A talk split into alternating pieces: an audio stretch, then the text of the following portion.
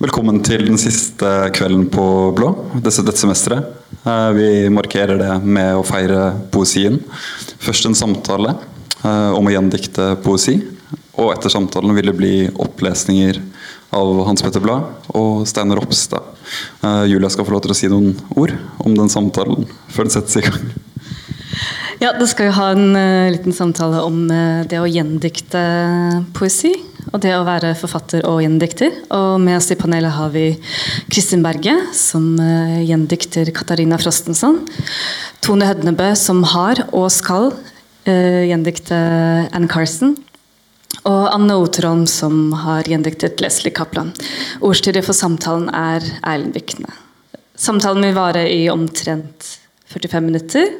Eh, det er mulighet til å stille spørsmål etter samtalen. Og så er eh, Ida Marie fra Kolen forlag og selger bøker bak. Så kjøp bøker. God fornøyelse.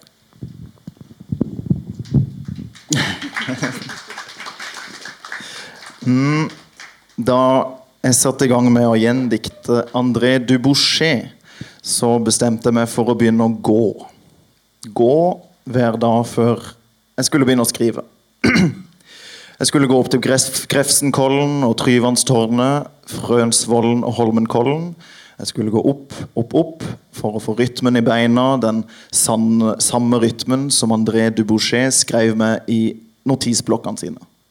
Jeg skulle gjøre det ja, Dette ble etter hvert boka 'Dans la chaleur vacante'. Og den fant jeg på biblioteket på høsten for et par år siden.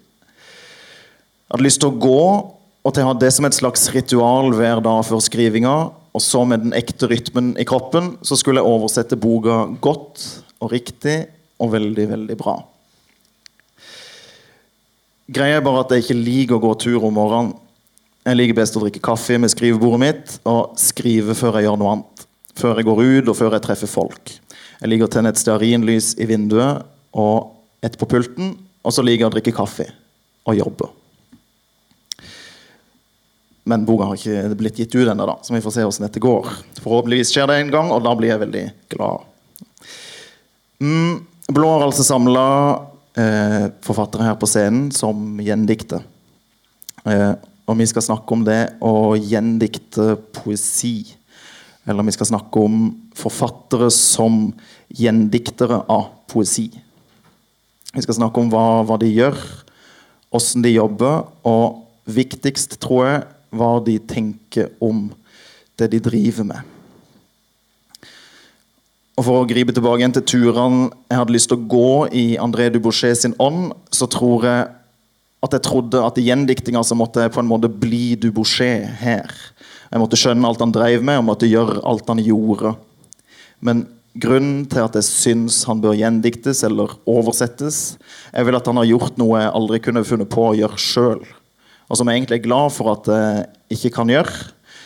Men som jeg òg er så glad for at fins, at jeg syns at flere burde få ta del i det. Uansett så har jeg lyst til å begynne denne samtalen med å spørre dere åssen dere på en måte griper ei, ei gjendikting. Og jeg kunne kanskje tenke meg å stille det, eh, Tone, eh, et spørsmål angående din gjendiktingsbedrift. på en måte, altså, og, eh, Du er i gang med, med med gjendikting av Ann Carson sin 'Autobiography of, of Red'. Jeg vet ikke hvor langt du er kommet i dette prosjektet. det er ingen som vet. Um, men du har tidligere gjendikta uh, 'Glassironi av, av Gud' av, av, samme forfatter. Den boka kom for tre år siden på Kolon. Um, det betyr vel at Ann Carson på en måte er en person, en forfatter og et forfatterskap som jeg ser for meg at du har vært i veldig nær kontakt med veldig mange dager av de siste fem årene. Um, kan du fortelle litt om hva som, hva som, skjedde da du bestemte deg for at dette var bøk eller et forfatterskap eller, ja, som du hadde lyst til å gjendikte? Jeg tror ikke jeg kan huske akkurat hvor jeg sto og, og hvor jeg gikk. Men jeg tror det var eh, et, et redaktørskifte hadde vært et redaktørskifte på gang i, på, i Kolon forlag. Og hvor vi fikk en ny redaktør som heter Karin Nygaard. Og så hadde vi et møte hvor hun lurte på hva jeg hadde lyst til å gjøre. Eh, og, og så Om jeg skulle liksom skrive bok først, eller gjendikte noe. Eh, som jeg hadde ytret ønske om å gjøre. Da. Og da, da var det Ann Carlsen eh, foreslo eh, Vi snakket om glassessayet. Glass at begge likte det. Og så tenkte jeg at det var en veldig fin start å bli kjent med en ny redaktør på. Eh, det å jobbe på den måten. Eh, men eh, jeg hadde jo lest Ann Carlsen og tenkte at det er jo litt rart at ikke hun er oversatt til norsk. hun er oversatt til dansk og til svensk. Og på det tidspunktet så kjente jeg ingen som snakket om Ann Carlsen, så da tenkte jeg at det er også en måte å få henne på banen liksom, i den norske offentligheten. Også, I hvert fall blant mine venner så føler jeg veldig mange snakker om Ann Carlsen. Så det virker jo som om dette Ja. har Ja, hun er jo på en måte en ganske kjent forfatter eh, internasjonalt, så det er ikke så rart om folk på en måte er opptatt av Anne Carlsen. Men, men eh, det var mer det at man sitter jo veldig mye alene ellers. Så det å gjendikte kan jo være en måte å liksom åpne opp for noe annet, da. Eh, ja. Gå, i en, gå, i hvert fall en, eh, en dialog med en annen tekst. Eh, ja. Hva slags liksom følelse du et sånn et prosjekt med? Eller er det liksom entusiasme, eller er det frykt, eller er det liksom øh, Ja. Begge deler, hvis det går an. Man må jo på en måte brenne for det. det fordi det, mye, det tar mye tid og arbeid, eh, den type forfatter. Eh, og det er jo, jeg er jo ikke profesjonell oversetter. Altså Jeg er ikke en som gjør en bok på to måneder og så går videre på neste oppdrag. Så det er jo det at jeg, at jeg selv velger forfatteren jeg oversetter, og har lyst til å bruke tid på det. Og, og for meg er det også en måte å lese, lese forfatteren på, faktisk. Jeg kan jo liksom engelsk, men Eh, man leser jo på en annen måte når du oversetter. Eh, og når du dveler ved ords betydning eh, og bruker tid og finner ut av eh, ulike betydningslag, og sånn, så er det en helt spesiell måte å lese på. Eh, og siden jeg jobber med dikt sjøl, så syns jeg det å jobbe med språk på den måten er veldig givende. Da. Og ikke minst det å kunne gå inn i et forfatterskap som Anne Carson, som er så opptatt av ords etymologi og ords konkrete betydning og alle lagene i eh, ords eh, betydning, eh, betydningens historie. Da. Mm. Mm. Hun går jo tilbake til eh, gammelgresk og bruker eksempel mange ord herfra. Og, Mm. ja, og skriver jo ulike typer tekster omkring ords betydning. Da. Men har, kan du gresk? Holdt på å si, Har du lært deg gresk, eller er det hun som er din inngang til det gresk? Liksom? jeg kan ikke eh, gresk, nei. nei, Så det jeg er jo på en måte ja. Eh, Så jeg, men jeg har jo f.eks. med 'Glass, ironi og Gud' så, så, så hadde jeg jo Svein Jarvold som en slags konsulent på det, mye, mye, mye av det. da. Mm. Mm. Nei, så Det er jo en problemstilling for så vidt når du skal oversette en som oversetter. Altså, Du oversetter noe som er oversatt fra et annet språk også. Mm. Så du, man bør gå innom en som er greskkyndig, i hvert fall i, når det gjelder Anne Carson. Da. Mm. Eh, Virker som om mye hos Ja. Det, det, Men det er en fordel å ha gode konsulenter og, og spørre masse underveis og ha tid til det. Det tenker jeg liksom er et privilegium. og egentlig ganske sånn, eh, Da kommer du ut av den isolasjonen som du ofte sitter i når du skriver selv. Du, du går i dialog med andre. liksom. Og, ja. Har du hatt kontakt med, med Carson i løpet av dette arbeidet? På en måte har du har, har- Eh, ja, jeg traff henne, for hun var Jeg fikk høre et, Etter at vi hadde bestemt at, vi, at jeg skulle oversette Carlsen, så fikk jeg høre at hun skulle til audiatur i Moss. Og Først så ble jeg helt forskrekket, for jeg hadde tenkt at jeg har jo ikke lyst til å møte henne. så, men det måtte jeg jo. da Det ville vært litt rart å ikke dukke opp. Så jeg dro ned til Moss, og så endte det med at hun spurte om jeg ville lese lese sammen med henne da, den teksten som jeg hadde oversatt til Audiaturfestivalen. Jeg ble spurt å oversette en litt mindre tekst. Eh, så det var litt spontant. Og så sto vi der og leste den. Jeg på norsk og hun på engelsk. da. Eh, og så endte jo med at jeg inviterte henne til å komme til å bo i leiligheten min, for jeg skulle reise bort. eh, hun og mannen, fordi så slapp de å betale for hotellutgifter. Så det å få en, den du oversetter til å sove i din egen seng, det kan jeg absolutt anbefale. um, Anne, Oterholm. Vi, vi traff hverandre for første gang for et par uker siden da du som tidligere flerårig leder av Forfatterforeninga holdt foredrag for nye medlemmer der. Eh, og etterpå så snakka vi litt om eh, at du eh, har gjendikta Leslie Kaplan sin 'Himlenes bok'. Helt uvitende om at vi kom til å befinne oss her to eller tre uker etterpå. Men noe jeg husker godt fra da vi snakka sammen, var jo at du Eller det virker, altså, du har i hvert fall blitt kjent med henne etterpå, eller jeg vet ikke om du har blitt Ja, om det, dere har blitt venner, eller altså, i hvert fall at du har truffet henne, at dere har blitt eh, men, men, skjedde dette i ettertid, eller var dette noe Hadde du kontakt med henne mens du, du, du gjendikta òg? Ja, nei. Eh, da jeg eh, Altså, dette er jo en bok som da er i den serien til Rune Kristiansen. Og det har jo vært en serie som har pågått da i 20 år, som han er redaktør for. Og han hadde bestemt seg for å spørre meg om ikke jeg skulle gjendikte denne. Og da ikke sant? Jeg er jo Jeg må si det. Jeg skriver jo romaner. Jeg skriver ikke dikt. Um, har aldri gjort det. Sånn at da Rune spurte om det, så, så, så, hadde jeg rett og slett ikke noe særlig peiling på hvem Leslie Kaplan var i det hele tatt. Eh, det er kanskje ikke sant man sier, men det hadde jeg ikke. Og jeg hadde ikke lyst til å gjøre det. Sånn at eh, jeg har Og mens Altså, jeg gjorde det fordi jeg Da jeg kjøpte boka, så så syns jeg det var så fantastisk. Jeg syns det var bare helt sånn Dette er liksom dette, Jeg bare elsker disse tekstene. Og jeg, jeg testa litt ut. Jeg snakket, sa det ikke til Rune. Jeg bare kjøpte boka i smug og sånn. Og så, Før du hadde takka ja? altså? Ja, ja. Ikke takka ja, nei. nei, nei, nei. Og så prøvde jeg litt om jeg kunne klare å gjøre det. Og så tenkte jeg at det, kan, det her kan gå. Så da begynte jeg å teste, sende dikt til Rune. Men da hadde jeg jo ingen kontakt med Kaplan. Jeg visste veldig lite om henne. Mm. Så mens i dette gjendiktningsarbeidet så forholdt du deg på en måte forholdt du deg til den ene teksten. Mm. og mm.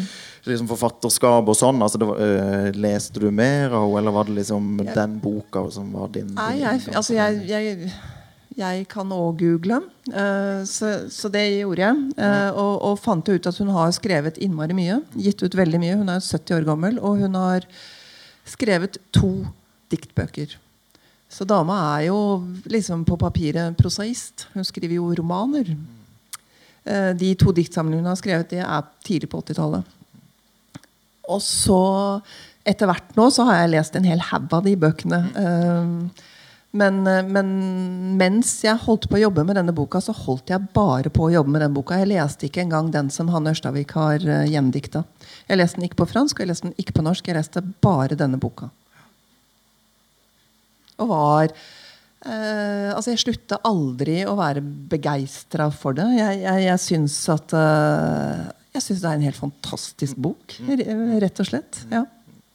Men når, når, du har, når du har truffet i i ettertid? da? Har dere, har dere, har dere, har dere snakket, eller, Jeg regner med dere kanskje har snakka om gjendikting òg. måte, Hvordan ja. Eller har dere det? Har dere snakka om gjendikting? Hvordan, hvordan, dette har skjedd? Hva du har, har tenkt om, om, om, Nei, ikke så mye, altså. For da, da, blir jeg sikkert litt sånn altså, det Jeg skjønner veldig godt det som Tone sier om at uh, hei, kommer til Norge, er det noe uh, og jeg skal liksom da møte na, altså Jeg ble også veldig sånn, for hun var i Odda, på litteraturfestivalen der. Hadde overhodet ikke noe behov for å skulle intervjue henne om øh, Nei, jeg tror ikke det, men jeg måtte jo. Kunne ikke si nei. ikke sant? Og da snakka vi ikke om denne boka. Mm. Uh, da hadde jeg bestemt meg for at det vi skulle snakke om, siden jeg var samtaleleder, og da bestemmer man jo, så ville jeg snakke om Hvorfor hadde hun skrevet to diktsamlinger, deretter skrevet bare tilsynelatende prosa og dramatikk og essaystikk. Hva var forskjellen? Var det forskjeller i, i hva hun var opptatt av emnene? eller hva var det som gjorde disse sjangrene til? Eller hva holdt hun egentlig på med? Hva er poesien? Mm. vil jeg snakke om. Mm. Hm. Så det gjorde vi. Og vi snakka ikke konkret om Vi leste fra boka, men eh, snakka ikke om den. Men hva, altså jeg føler jo Når jeg har lest den òg, så er det jo en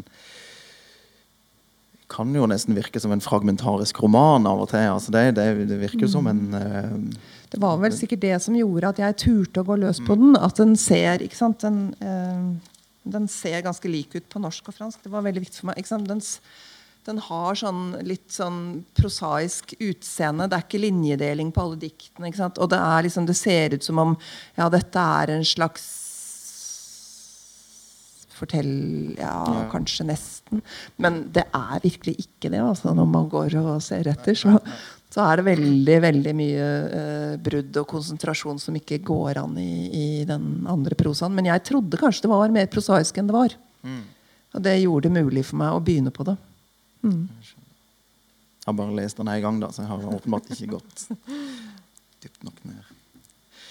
Um, Katarina Frostensson ble, ble tildelt Nordisk råds litteraturpris for diktsamlinga 'Sanger og formler' i fjor.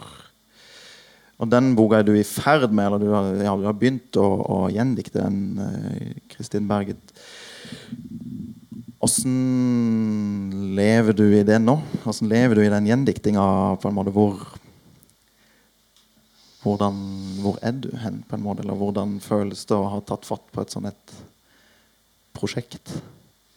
Jeg, jeg, ehm, jeg følte virkelig at eh, jeg hadde tatt meg vann over hodet da jeg sa ja til det. Um, altså Katarina Frostensen har et sånn veldig komplekst språk. Jobber på veldig mange nivåer.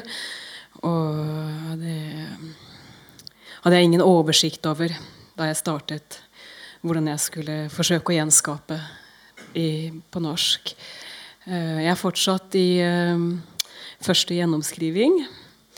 Eh, og, så jeg vet ikke liksom Jeg vet ikke altfor mye ennå.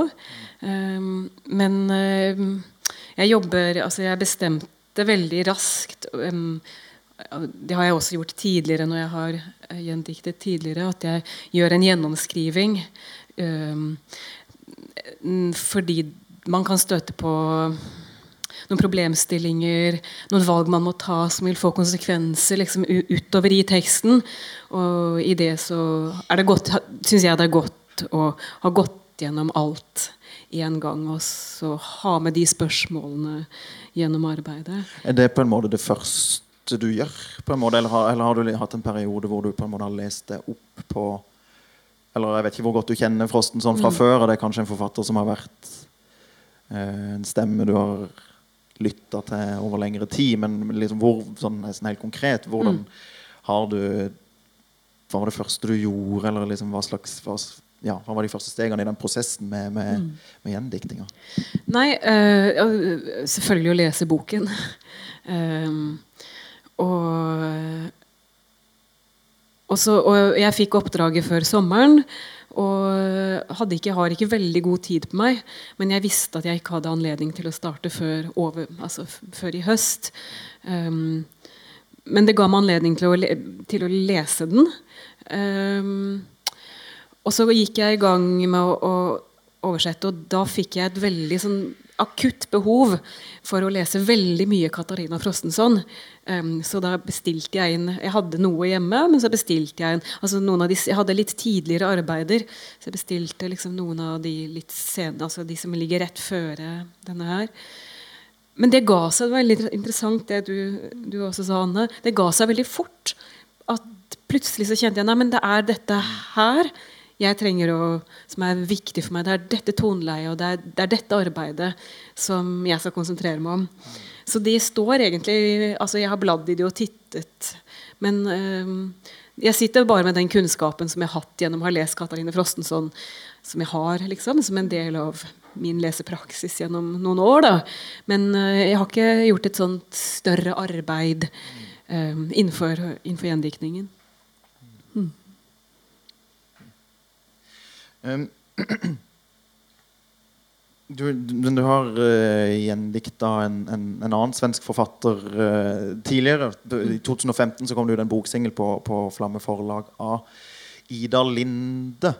Som uh, en, ja, jeg vet ikke om det er en 30 sider eller noe, noe sånn. Um, du har sagt at du kunne tenke deg å lese litt uh, fra den.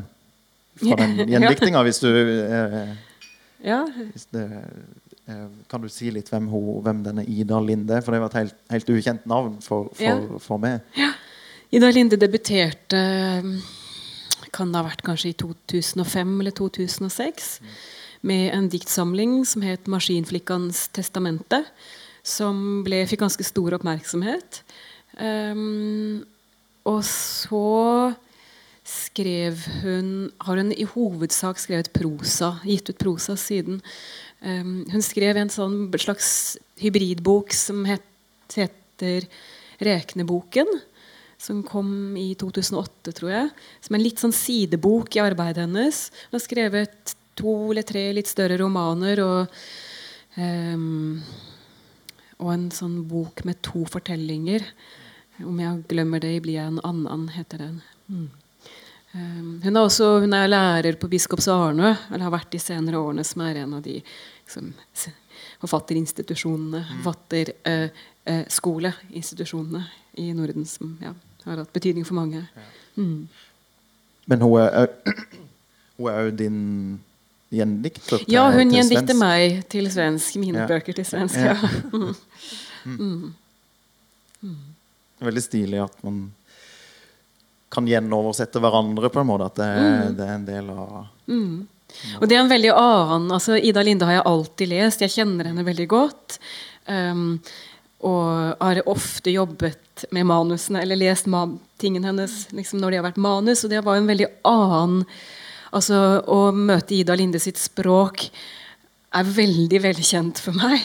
Um, og det er jo noe helt annet når, å jobbe med Katarina Frostenson, som, eh, som jeg ikke har det forholdet til i det hele tatt. Da. Så det er to veldig ulike um, prosesser, og, og jeg, i grunnen også arbeidsmetoder, tror jeg. At jeg måtte liksom finne litt ut av. Jeg, jeg kunne ikke gjøre det samme som jeg hadde gjort med Ida Linde, som er veldig, ganske lett tilgjengelig for meg. Um, mens Katarina Frostenson må jeg, må jeg hente helt fra liksom andre steder og møte på en annen måte. Ja, hvordan er liksom stilnivå, på en måte? Eller hva, hva, er, hva, hva, er de liksom Hvordan er Nei, men jeg vet ikke, altså, En som man kjenner, en, gammel, god venn liksom, som man kjenner veldig godt, man skal prate med, så det, går det ganske lett i forhold til å prate med noen som man ikke kjenner. Så det er litt det er liksom eh, Det språket eh, har jeg vært i såpass mye, da. Eh, både altså, selvfølgelig altså, litterært og, og liksom i samtale. De har lett tilgang da, til til materialet hennes. Mens det har jeg absolutt ikke med Katarina Frostenson. Og, og så er det jo to veldig, veldig forskjellige bøker. Ja. Men kunne du tenke deg å lese litt ifra 29 usendte brev? ja. Det hadde vært spennende å høre. Skal de andre?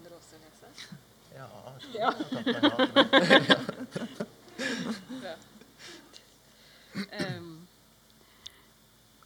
ja, det, det er faktisk, og det, det er første gang jeg skal gjøre. Uh, og jeg, sta, jeg, jeg starter bare litt fra begynnelsen. Hvor lang tid, hva, hva, hva, hva har du tenkt deg? Nei, jeg har vel sagt det. Ja, det du føler for, egentlig. Ja. ja. Hmm. Tre, tre sider høres Ja, sikkert fint kanskje ja, til, Vi får se. Altså 29 usendte brev heter denne lille boken her. Sånn her ser den ut i original. Mm. Og sånn ser den ut i flamme. Mm. Du lurer på hvorfor du ikke har hørt fra meg. Du ligner så mye på faren din at jeg vet at du skal dø. Du gir meg et dikt om et lønneblad. Du hadde rotter som du tok med deg til skolen. Faren din kom med flytende nitrogen. Du svarte ikke en eneste gang han ringte. Han syklet gjennom den store byen for å få prate med deg, men du svarte aldri. Du passer barnet mitt. Vi står sammen og ser på når han sykler fra oss. Du vet ennå ingenting, sier du. Jeg vil ikke skrive til deg. Noen ganger tenker jeg at du har fått barn, og det gjør meg trist at du ikke forteller om det. Du og jeg pleide å gå sammen mellom fotballbanene, den av grus utenfor mitt vindu og den av gress utenfor ditt. Første gang vi traff hverandre i det der røykerommet, så du opp på meg og sa Tror du noen merker det om jeg stikker? Vi holder hverandre i hendene i taxien. Du sa at dersom jeg begynte å tvile, skulle jeg ringe til deg, og så skulle du lese for meg i telefonen.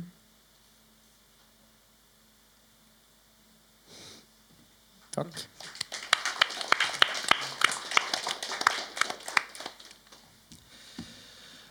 Um, hva er det som på en måte skjer når dere gjendikter? Hva, hva, hva gjør dere? Åssen går de, de, de dagene? Er er det liksom et, et, språkarbeid, eller er det liksom kreativ Eller språkarbeid er det vel, men jeg tenker mer Er det mye ordbok, eller er det mye kreativ skriving? Eller altså hvordan Dere kan kanskje sette de sammen eller sammenligne det med deres egen, når de skriver deres egne ting. Men altså Hvordan foregår gjendiktinga, på en måte? Det er kanskje et veldig vanskelig spørsmål, eller er veldig sånn hvordan foregår skrivinga, men ja. Kan begynne, ja. Eh, jeg gjenkjente veldig det der med å først lese gjennom og jobbe gjennom altså hele for å vite hva det er for noe, fordi at det får konsekvenser. alt mulig, ikke sant? Det, øh, da jeg, altså jeg begynte å jobbe med noen få dikt, og så, og så gjorde jeg det fort. på en måte, å, og, og, da feil, og det spilte ikke så stor rolle om det var liksom sånn eller slik, fordi at det var f.eks. et ord som, som jeg da ble innmari stressa av drev og dukka opp, som var uh, flat. Eller flate. Uh, som ikke passa. Og så tenkte jeg at ja, det er, det er, vel fordi jeg ikke kan fransk, da. Kan sikkert fortolkes på en eller annen måte som gjør at, uh, at, at det, det ikke, blir ikke flat på norsk. Er, vanligvis betyr det flat, men i denne konteksten så betyr ikke det. Og det er sikkert, Hvis jeg nå tenker meg grundig om, så, så kan jeg finne ut hva det egentlig menes i denne sammenhengen osv. Og, og så fant jeg igjen det ordet altså, veldig sånn konsekvent på, på, flere steder. Og det er ikke sånn det skal. Det er like rart på fransk som på norsk. Altså, det, er, det, er, noe som er gjort todimensjonalt, og som egentlig skal være altså, Når du er på lårene, lårene er flate. Altså, det er flere sånne ting som er blitt flate, som om det er et bilde, som om det er en ramme rundt. Og, som, og, som mist, og, og det ville jeg ikke kunnet liksom klare å få med meg hvis ikke jeg hadde vært gjennom hele og så at dette her er noe som går igjen. Dette er et blikk som ser på den måten. Og dermed så måtte jeg gjennom hele tingen. Og så holdt jo selvfølgelig ikke det, så jeg måtte jo snakke med alle franske bekjentskaper jeg hadde osv. for å liksom forsikre meg om at jeg hadde men, men jeg kjenner veldig igjen det. Og det ligner overhodet ikke altså for meg å gjendikte ligner ikke noen ting eh, på når jeg jobber med mine egne ting. altså. Eh, det er Jeg syns jo det var eh, det, det ligner fordi at det er det språkarbeidet, det er det, det, men det er, var for meg en mye, mye større sånn nytelse hele tiden å jobbe med denne enn det er å jobbe med mine egne ting. For når jeg jobber med mine egne ting, så, så veit jeg jo ikke om det kommer til å gå. Det, det, er jo ikke sikkert det blir noe. Det kan jo at ja, ja, ja, det begynner et sted, slutter aldri noe sted. er ikke noe midt, altså Det blir ikke liksom noe til noe. Mens her hadde jeg ramma. Og da var det jo bare å holde på å jobbe innafor den ramma. Og det er helt annerledes. I hvert fall for meg var det det. altså. Ja. Nei, jeg, jeg syns jo det er uh, veldig ulikt det å skrive. Uh, men selvfølgelig også noen likheter. Men uh, det er det at du slipper å liksom finne, finne, på. på den måten at du slipper å finne på det universet og, og, skape det universet. Det er der, på en måte. Men, men det ligger veldig mye kreativitet i det å lytte seg inn og forstå det og ta inn over seg og omforme det til eh, norsk. da. Og kunne liksom stå inne for det, syns jeg er en sånn lang prosess. Altså, sånn, det er ikke bare å oversette ord for ord. Du må liksom se musikaliteten i det òg. Um, nå er jo ikke heller Ann Carson for eksempel, en som skriver mye klassiske dikt. Altså, hun jobber jo med ulike sjangere i en og samme bok. Og veksler jo ofte mellom alt fra et essay til, til mer dikt og til da mer uh, fortelling. Da, eller poetisk fortelling. eller hva jeg skal kalle det. Så det er jo også det at hun veksler mellom sjangere. Så du må liksom hoppe hele tiden fra altså Et parti kan være på én måte, en annen del av boken kan være på en annen måte. Mm. Og så snakker de delene til hverandre også. Og det, øh, men ja, det er forskjellig. Men jeg vil jo si at i sluttfasen så blir det like viktig som det var din egen bok. på en måte. At du kan ikke sli slippe det fra deg før du på en måte står inne for det øh, så mye som du kan. da. Altså på grunn av et, på grunn av et hva slags ansvar er det? Holdt på å si. Er det, er det overfor uh, deg sjøl, eller er det overfor uh, verk, eller overfor den andre personen, eller hva, hva, hvordan liksom Ja, det er jo først Selvfølgelig er det for den forfatteren du oversetter. Ja, og alle lesere av den forfatteren, som finnes allerede. på en måte. Men også selvfølgelig Hvis du klarer å glemme det og konsentrere deg, så er det jo boken, selve boken som skal på en måte Mm. fram. Og så og bli best mulig. Da. Uh, og så ligger det også en slags skuffelse i det, for det, vil, det blir annerledes på norsk. Så det blir noe annet. Uh, og det må du liksom leve med, da, eller prøve å akseptere underveis. Liksom. Så, uh, ja, det er ikke bare liksom, noe som kan Det kan ikke bare bli helt likt. Også. Det her, ja.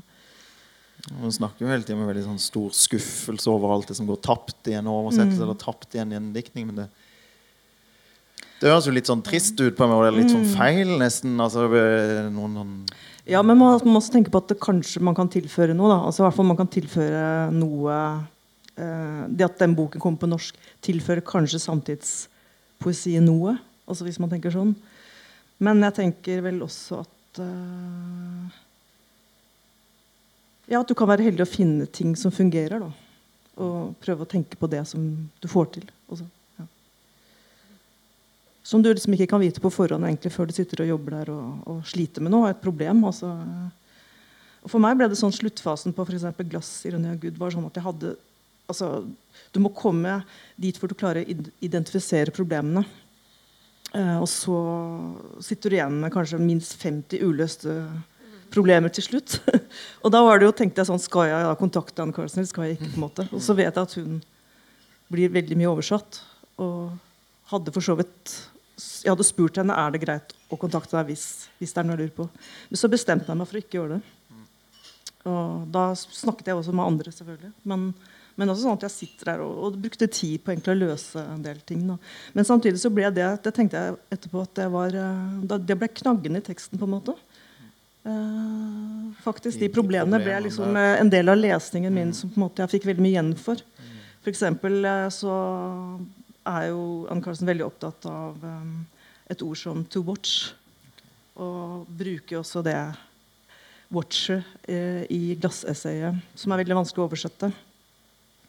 Men, men det går igjen i forfatterskapet hennes. altså Det der å se går igjen. Og det, det kunne jeg også på en måte eh, se en forbindelse til Emily Dickinson, som på en måte også er opptatt av det å se direkte. da.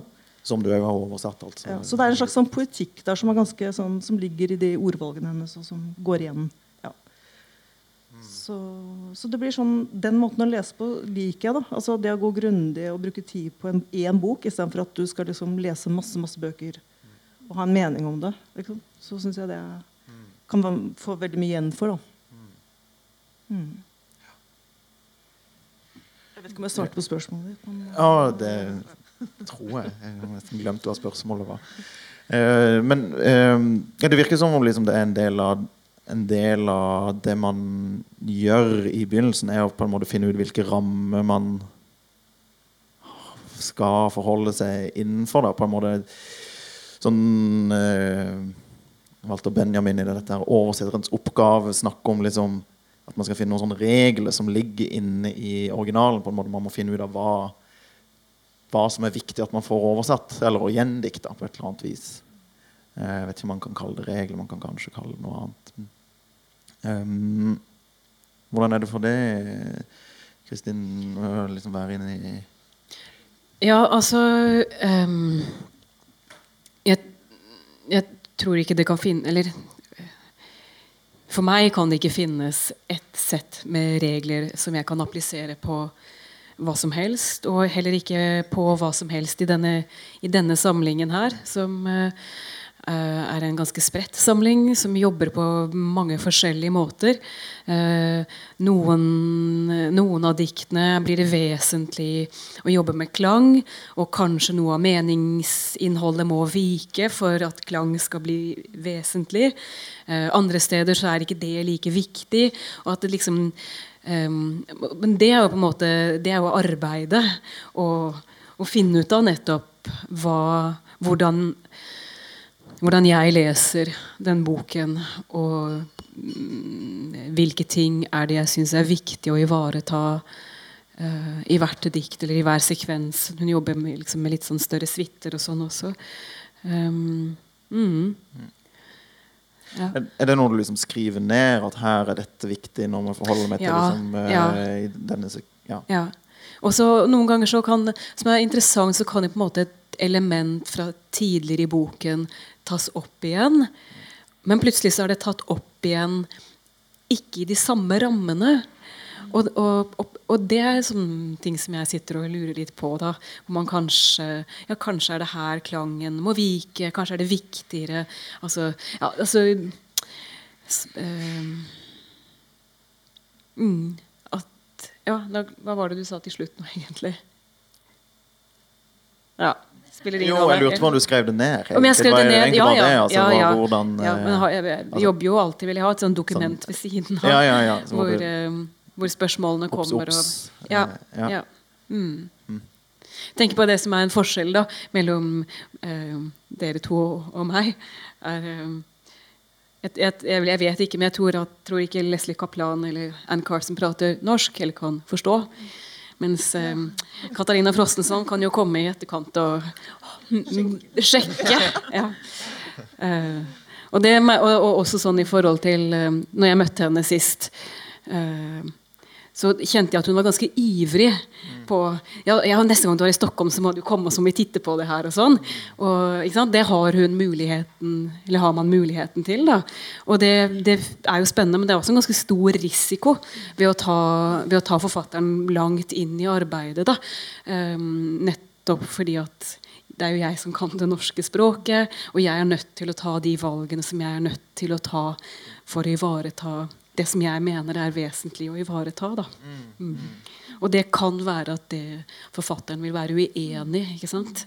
Og så må man da kunne stå inne for det, eller være trygg nok i at det har jeg gjort på grunnlag av dette. Eller, ja. Mm. Mm. Så altså en gjenlesing som lar oss gjenskape dette på norsk via en skrivende Altså via en en annen tekstkunstner da, på et eller annet vis. Altså, det blir et eh,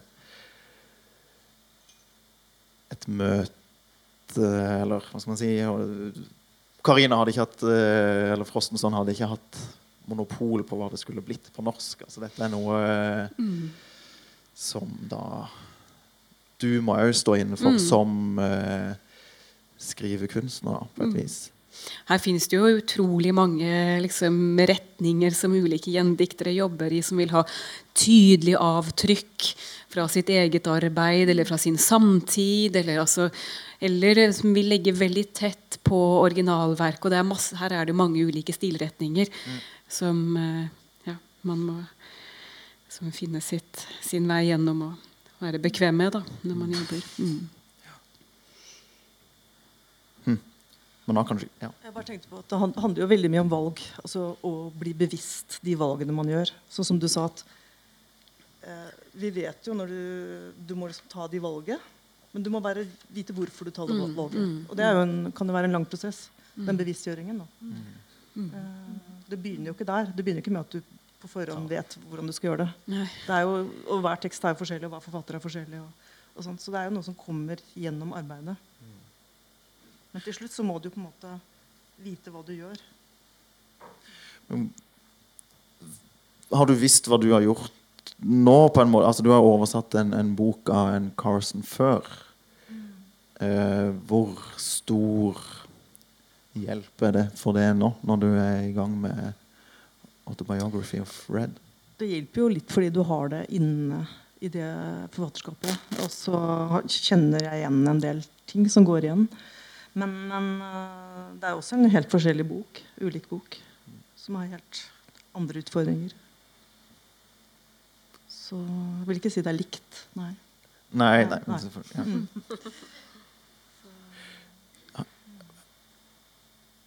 Men uh, har du Altså, jeg vet eh, Dette er jo fortsatt en pros, eller et, arbeid som du er i. Eh, men har du noen eksempler Har dere noen eksempler på disse, disse valgene man tar? på en måte? Altså, det, er sånn det er veldig vanskelig å snakke om denne skrivinga på et, et eller annet vis, eller denne gjendiktinga, men hva slags liksom eh, sånne eh, hvilke, hvilke, hvilke valg er det? Hvor, hvor er dette her helt smått med valg av ett ord for et annet, eller er det liksom Altså, ja. Ja, eller det er jo det. Det er jo ordene, å bytte ut ordene. Altså, jeg syns jo det er kjempegøy å bytte ut ord, ett ord. Nei, ja, prøve et annet, prøve et annet, prøve et annet for det samme ordet. Det er jo noe av det som liksom til slutt blir riktig, eller skaper det. Men det er masse andre jeg vet, altså, min, min, jeg har, Når jeg har snakka om denne boka, her, så er det mange av de valgene som det er veldig gøy å snakke om. Fordi jeg syns de er altså F.eks. Uh, kommabruken. Altså syntaksen. Eh, kjempeviktig, mener jeg. Og, og, og, og det mener jeg jo veldig ofte i forhold til eh, altså, fransk oversettelse. Noe av det som irriterer meg mest, er jo at man eh, dropper kommaene når man oversetter Dyros, f.eks. Uh, og det er jo prosa. Eh, men her også kjempeviktig, for det er vanvittig mye kommaer i denne boka. her Og de kommaene er mellom setningsleddene. Det er ikke det. Altså, de er mellom Altså, det kommer et, eh, et substantiv med et eller annet ledd til. Og så er det et komma, og så kommer det et substantiv med et eller annet ledd til. Altså det, er det er ikke en ordentlig setning? Men, men, men det ser ut som en setning, og så kommer det kommaer, kommaer, kommaer. Og de kommaene skal ikke være der. ikke sant? Ok, Men er det litt mer naturlig at de kommaene er der på fransk? Er vi litt mer åpne for det på fransk? Eller er vi ikke det? Kan, kan, er vi litt åpne for det på norsk? Er vi, hvor slurvete er vi med kommaer på ikke sant? Hva blir forskjellen på det? Og det har jeg diskutert masse med forlaget, f.eks. For eksempel. Hvor eh, jeg vil ha alle kommaene. Jeg mener det er like sært på begge språk med så mye kommaer. Og jeg syns det har en kjempefunksjon, men det blei litt mye for forlaget. Så det er Så tatt noen vekk. er bort. Så det er kanskje tatt vekk liksom sju. Mm. Men det er én ting. Og så er det et, et å her på, på fransk. Å, som jo da betyr vi, eller mann. Mann. Og i den første boka så har jo Hanne Ørstavik oversatt det med mann. Jeg har oversatt det med vi. Og, og det er eh, masse gode grunner for det, men det er en av de tingene som, som, som gjør at ok, det mister noe på norsk. For du får ikke ambivalensen på samme måte som du gjør på fransk. Altså, det går ikke. Men jeg hadde dødd hvis denne boka her hadde kommet ut med et mann. Det hadde jeg ikke så det er liksom sånne ting hele tiden, og som er så fascinerende å kjenne på hva det gjør med teksten når du bytter ut og når du holder på med det. Og, altså det er kjempegøy synes jeg, å, å, å jobbe med de der språktingene der. Veldig glad for at du tar opp begge de to tingene du tar opp for meg òg, som har, eh, har jobbet med fransk oversettelse. Og de to tingene der er Det er noe dritt. Ja. Eh, har, har dere noen eh, sånne disse valgene, på en måte, eh, om det er enten konkret eller om det er mer Altså eh, Hvordan Ja. Eksempel når jeg jobbet med Emily Dickinson, eh, så, som da bruker for eksempel, Siden vi snakker om tegnsetting, så bruker hun tankestreker. Veldig mye tankestreker. Så da må du da ta det valget om du skal bruke tankestreker i det hele tatt. Sånn som noen, noen som har gjendiktet Emily Dickinson, hopper over det. Eh, eller skal du gjøre det på samme sted? Eller skal du bare oversette direkte tankestrekene direkte. Eh, hun eh, brukte jo også store forbudstaver i enkelte substantiv. Midt inne i en setning. Sånne ting. Og så er det det at hun rimer, men hun rimer litt når det passer henne. Så det er ikke noe fast rimskjema, f.eks.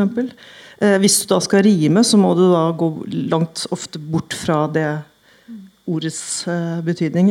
Må, du, da må du gjendikte i større grad, da, hvis du velger å, holde fast på rimene. Men jeg har sett på en del uh, gjendiktinger av uh, Emily Dickinson, både på norsk og dansk og, og svensk. Da. Så det er eksempler på, på begge deler, liksom. Noen som kutter rim, øh, rimet helt ut, og noen som rimer mer enn Emily Dickinson. Eksempel. Pål Borum på dansk rimer mye mye mer enn Emily Dickinson. Mens jeg bestemte meg for å liksom, bruke hennes metode. Da. Altså få til rim, altså bruke rim der jeg fikk til rim. på en måte, Og så måtte jeg da noen ganger ta et valg og ikke rime, selv om jeg kunne få til et rim, fordi jeg ville beholde den der veldig konkrete leksikalske betydningen som jeg syns gjorde diktet. da. Eh, så ja. Mm. Så det å bruke hennes metode eh, Men du oversetter metoden, kan du si. da. Ja. Um, Anne, kunne du tenke deg å lese litt fra 'Himlenes bok', da, som du har gjendikta av Leslie Kaplan? Ja, og da tenkte jeg skulle lese liksom bare bitte litt fra første del, og så bitte litt fra tredje del, tror jeg det var. Uh, litt fordi at Hvis jeg leser fra begynnelsen, så tenker jeg at det er veldig lett å skjønne hvorfor jeg ble lurt til å tenke at ja, ja, men det er noe prosa her, er det ikke det? Uh, og så er det kanskje litt annerledes etter hvert, selv om det er noe ja.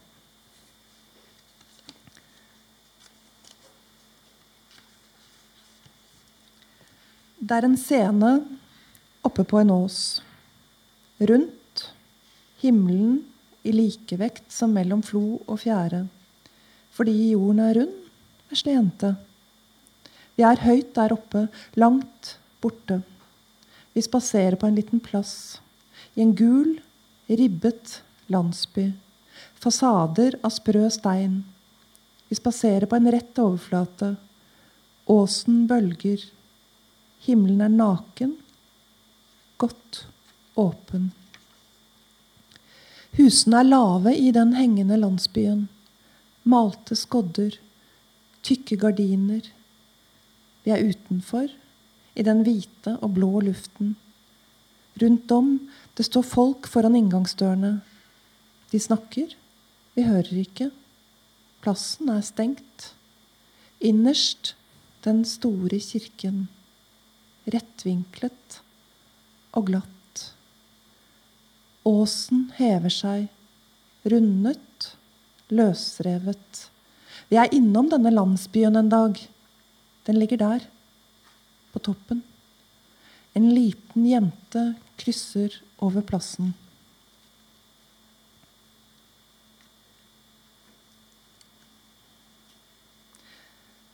Så ombestemte jeg meg. Skal jeg lese det siste diktet?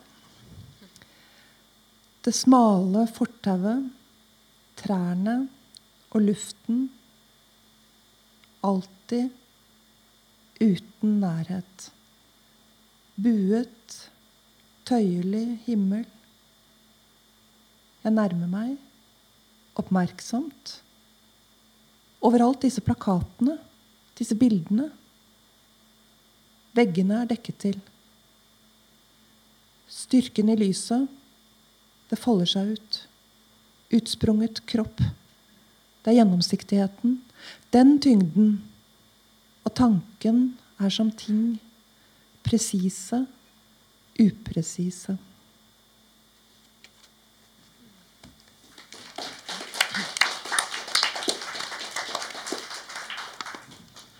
Mm. Nå har vi snakka om åssen dere tar fatt på, åssen dere griper gjendikting, og litt om åssen dere gjør det, disse valgene og alt dette men um, Åssen er det for det? Altså, dere er jo, som nevnt før, altså, er jo forfattere og, og altså, Åssen er det å være i så nær kontakt med, med et, et litterært språk, ei liksom lyrisk form og et estetisk uttrykk som som ikke er deres eget, på en måte. Hvor, hva, har, hva, har, det å si for, for dere som uh, skrivende uh, menneske?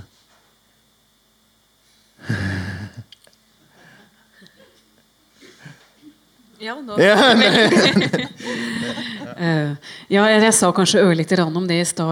Altså, nå er jeg såpass tidlig i arbeidet med Katarina Frostensen. Jeg, føler ikke at jeg har noen sånn effekter av det ennå.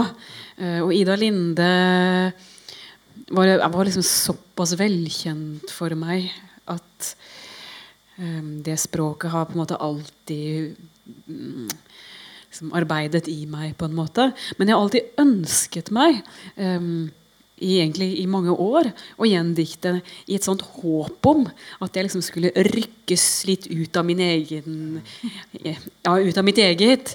Og, og bli liksom smittet. Og det skulle skje noe helt annet og fantastisk neste gang jeg skulle skrive en bok. Uh, og det, jeg, det gjenstår ennå å se, da. Um, når jeg blir ferdig med Katarina Frostensen, om det om det vil skje. Um, foreløpig så så Jeg har, jeg har liksom akkurat skrevet ferdig en bok, så jeg er ikke sånn Jeg har ikke noe stort som jeg holder på med akkurat nå, så jeg skriver ikke parallelt på noe eget nå. Så det, ja, nei, det, det gjenstår å se. Men jeg synes, jeg, altså, ideen og tanken om det syns jeg er helt fantastisk. At uh, å få være liksom ja, nettopp det å bli ryket ut. For, for liksom holde på med, med, noe annet som ikke er det som først kommer til meg da, når jeg jobber selv. Mm. Hvordan er det ja. Nei, jeg, jeg, tenker at Det kan være veldig fint å, å, å, oversette eller jobbe med oversetting etter at du har skrevet en bok, sånn som du har gjort. Altså at, at man er ganske tom og lei og har liksom, trenger noe annet. rett og slett, og Trenger å glemme sitt eget språk.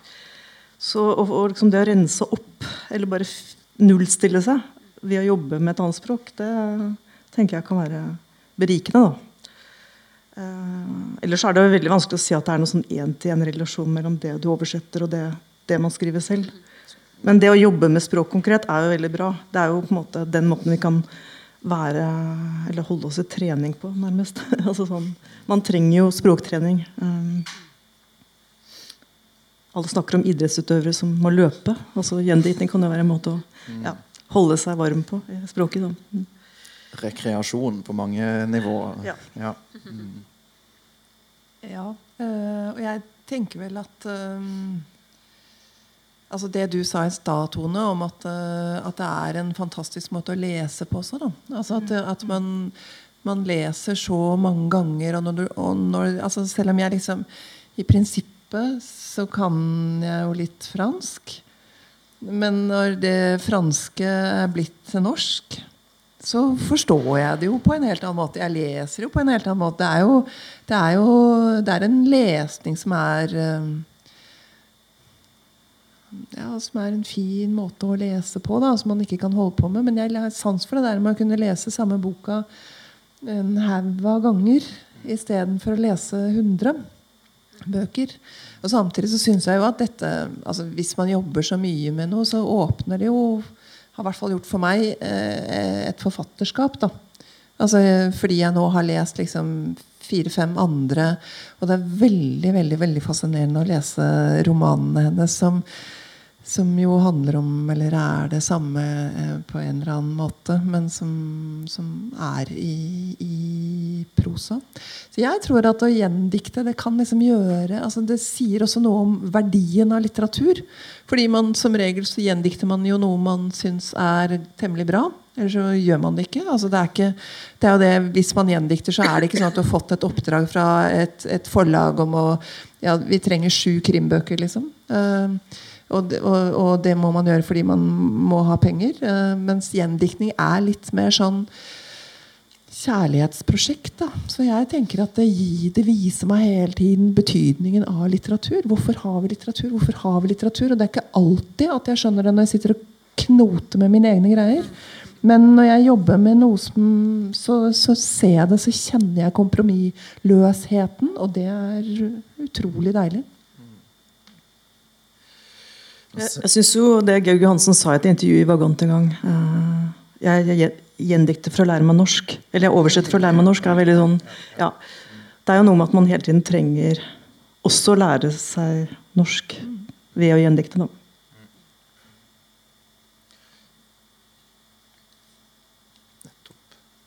Nå ser jeg at tida har gått veldig. Det er liksom fremdeles 1000 spørsmål å stille. Jeg vet ikke hvordan uh, Skal vi ta et par uh, spørsmål til? Ja. Skal jeg lese for dere? Gjerne.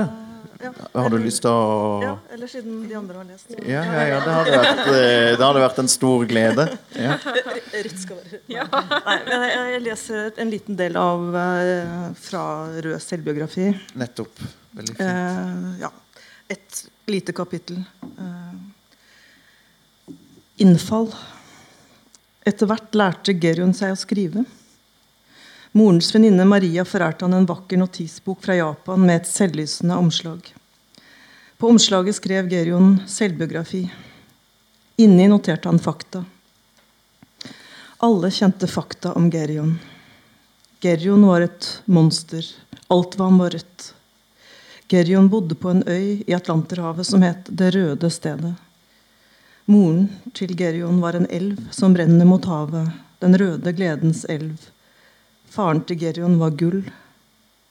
Noen sier at Gerion hadde seks hender, seks føtter, andre sier vinger. Gerion var rød, det var det besynderlige røde kveget hans også.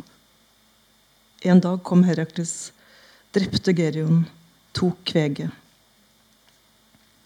Han fulgte opp fakta med spørsmål og svar spørsmål.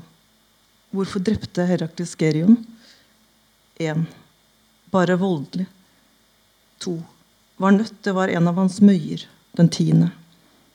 Tre. Så for seg at Gerion var død, ellers kunne han levd evig. Til slutt. Gerion hadde en liten rød hund. Herakles drepte den også. Hvor får han innfallene sine fra, sa læreren. Det var foreldremøte på skolen. De satt ved siden av hverandre bak små pulter. Gerion så moren plukke bort en liten tobakksbit fra tungen før hun sa Skriver han aldri noe med en lykkelig slutt? Gerion tenkte seg om. Så strakte han seg og lirket stilarkene forsiktig ut av hånden til læreren. Fortsatte videre tilbake i klasserommet, der han satte seg ned ved den vanlige pulten sin og fant frem en blyant. Ny slutt. Over hele verden fortsatte de vakre, røde vindene og blåse hånd i hånd.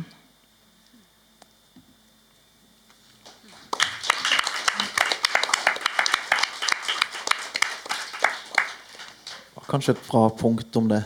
Det var Nå har det gått en time, holdt på å si. Det var eh, mer enn jeg hadde sett for meg. Altså, dette var kjempe, kjempebra. Fint sted å slutte. Jo, det er vel det. Vi skal jo Skulle vel åpne for noen spørsmål ifra, ifra salen òg, hvis det Hvis det var noen en, Ja Det kan du se sjøl,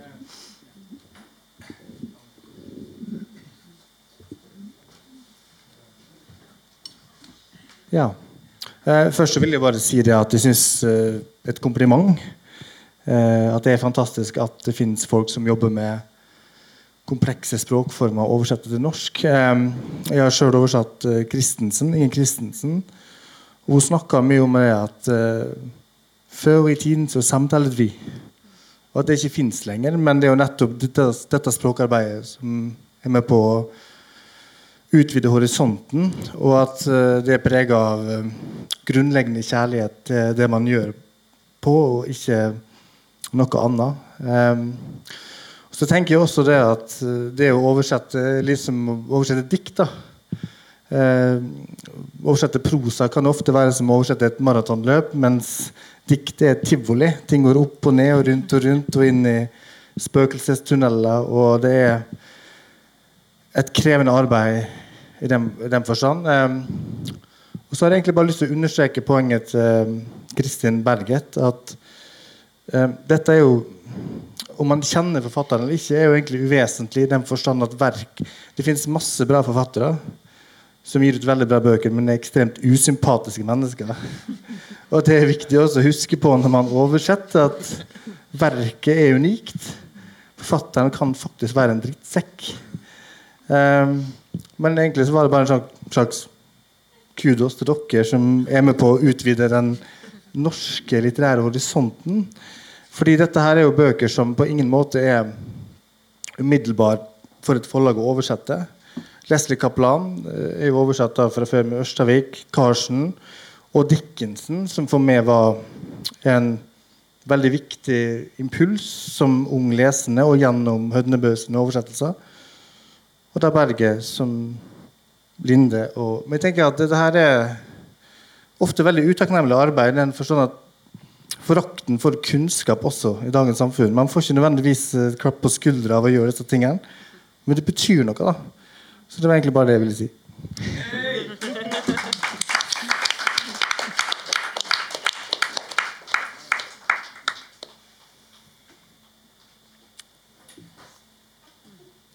Har dere noen mm.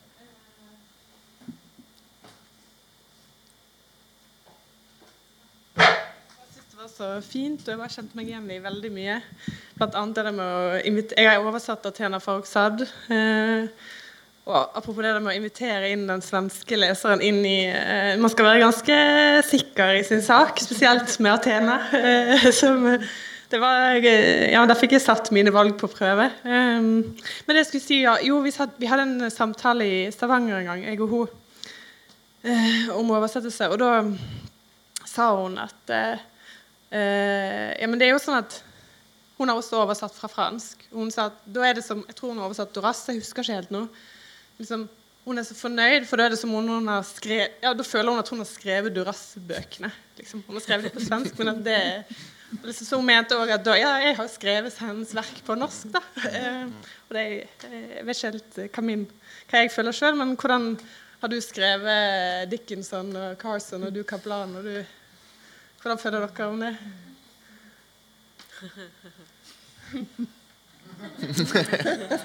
Jeg tror ikke jeg var sånn stormannsgal nok til å tenke den tanken. Men, men uh, det handler jo kanskje litt med det mens vi snakket om å stå inne for det. Da, at uh, det å stå inne for uh, en bok er veldig vanskelig.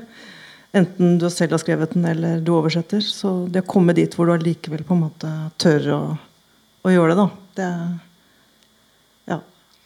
Og, på en, og jeg tenker at, at ikke, ikke sant kunne jo aldri altså, det er, jo Les, det er virkelig Leslie Kaplan som har skrevet 'Himlenes bok'. Uh, uh, men samtidig så er det det der elementet som kanskje er å trekke inn i norsk sammenheng. Da, men som er fordi jeg da har blitt kjent med Leslie Kaplan, og vi mailer veldig mye og, og snakker om litteratur for tida. Og da sa jeg at jeg skulle hit og skulle snakke om boka hennes. Og litt sånn, og da sa hun og det er så fint å tenke på at det er noen som snakker om boka mi i Norge. Det er litt fint, syns jeg òg. At det er liksom flytter seg rundt i verden. da. Altså eh, jeg, ja, det, er, det, er veldig, det er en interessant tanke, liksom. Eh, at man har eh, skrevet det verket på norsk. Eh, liksom Helt personlig så vet ikke jeg om jeg du, du, sier at det er liksom en forelskelse og altså, Det er veldig mye kjærlighet her. Jeg har veldig mange spørsmål inn, innenfor eh, sanger og formler. Eh, det er eh, mange estetiske valg som er fryktelig langt unna mine egne og mitt eget språk, eh, min egen tenkning, eh, som gjør at jeg nok ikke skulle på en måte med stolthet eller på den måten si at å, det er fantastisk, jeg har skrevet Katarina Frostensen på, på norsk. Um, det, er, det er, veldig altså, det, Jeg devaluerer på ingen som helst måte poesien hennes. Nå bare prater jeg om henne i forhold til egen, liksom mitt, e, min egen estetikk og mitt eget arbeid. Det, det er ganske stor diskrepans mellom de to. Og mange ting som jeg ikke vil ha løst det kan man ikke si. Liksom. Hun har skrevet, hun har skrevet, men som, som er veldig ulikt eh, min metode, eller hvordan jeg går til arbeidet. Da. Så det, ja, det, det, ville se litt annerledes ut for meg. Mm.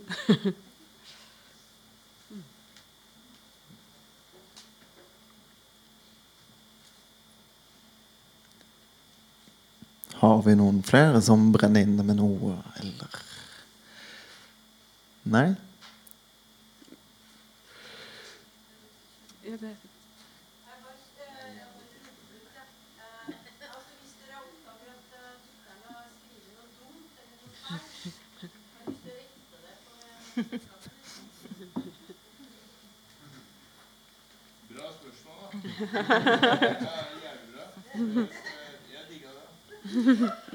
Nei, jeg har ikke det. Eh, Jeg har ikke, ikke sant? Jeg er jo, jeg er jo full av kjærlighet. Nei, eh, men, men, men det er f.eks. ett et sted i denne samlinga her hvor det er stor forbokstav etter et komma.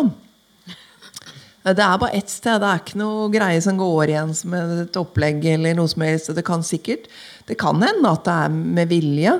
Eh, At det skal være sånn. Det, det kan liksom, jeg kan argumentere meg fram til Ja, mm, poeng. Men det har ikke falt meg inn noe annet enn at det skal være stor forbokstav der. Selv om jeg veit ikke helt hvorfor.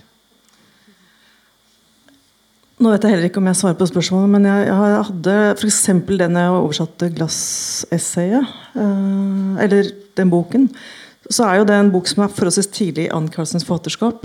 Eh, og da oversetter man jo ikke bare boken, man oversetter den boken også i forhold til den tiden som har gått. Og det tenkte jeg en del på. Eh, og hun, hennes forfatterskap har jo også, er i forandring. Liksom. Hun er jo en aktiv forfatter, en eh, ytterst aktiv forfatter. Så øh, det er et ansvar å liksom, velge akkurat den boken. Eh, og jeg, så var det selvfølgelig også noen ting som jeg hadde litt problemer med å få til på norsk, som jeg syns funker på engelsk. For eksempel så er det en del sånn sexscener. Jeg syns ikke de ordene funker på samme måte på norsk som på engelsk. Men bare det ordet kjærlighet på norsk er kjempelangt og kronglete, men på love Altså love er jo et veldig mye greiere ord. Da. Eh, Kjærlighet er veldig problematisk. Så ja, Det er sånne ting som, eh, som gjør at jeg må stå inne for teksten på norsk. Mer enn at jeg liksom føler at det, det er flaut. At det ikke står inne for det hun har skrevet. Da. For det, det har liksom litt forskjellige konnotasjoner altså, på de ulike språkene. Så Men det er jo et, det er jo et veldig interessant spørsmål. Altså, de, disse, disse, alle disse tre forfatterne, i hvert fall sånn som jeg har lest, de som ikke er grundig nok, men, men altså, det virker som de har en politisk bevissthet, alle tre. Og, og vil, eh, hvis de hadde sagt noe dumt, ikke nødvendigvis en dårlig setning, men om de hadde hatt en annen politisk eh, et annet politisk budskap, så ville det kanskje vært noe annet. da på en måte, altså Hadde hatt lyst til å rette på det da. Hvis det hadde vært eh, liksom eh, Eller så er det hellig på et eller annet vis. Eller er teksten på en måte Skal man la det la de spørre den som har oversatt Peter Hanke til norsk, om det akkurat det spørsmålet kanskje. Men det er en annen debatt. Men altså, jeg skjønner eh, problemstillingen. Ja. Mm. Men det er jo eh, som sagt, det er jo en grunn til at eh, vi har valgt altså Vi har jo vært heldige å kunne velge. eller du velger om du sier ja eller nei til et oppdrag. da. Fordi vi er forfattere som oversetter, og ikke oversettere som må måte kanskje ta en del sånne valg. da. Så jeg tror nok at noe motivasjonen for meg å oversette Ann Carlsen var nettopp fordi at jeg syntes hun var interessant rett sånn politisk. da, Og hvordan hun liksom ser på språk og det poetiske, f.eks. Uh, men også det med kvinnesynet på kjønn, som jeg syns var viktig å få på norsk. da. Mm.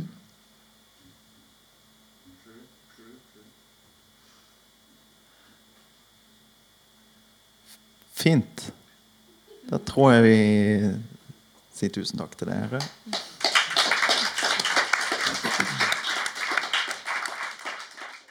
Da fortsetter vi kveldens program. Eh, Først vil Steinar Opstad lese Var det først fra egne dikt, eller var det først fra, ja, først fra egne dikt?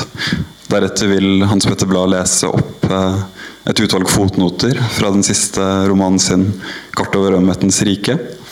Før Steinar Opstad gjenleser fra sin gjendiktning av Lars Noréns 'Fragment', som kom ut på kolon denne høsten, eh, og som også er til salgs bak der.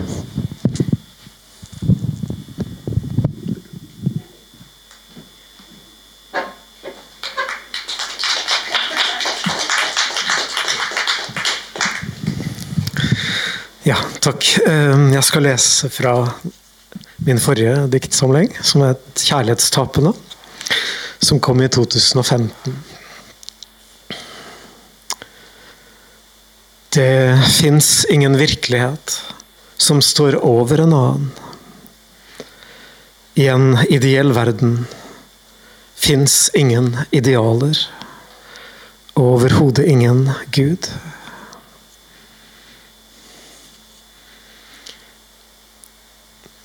I ungdommen spyttet jeg på korset og svertet alle former for hellighet.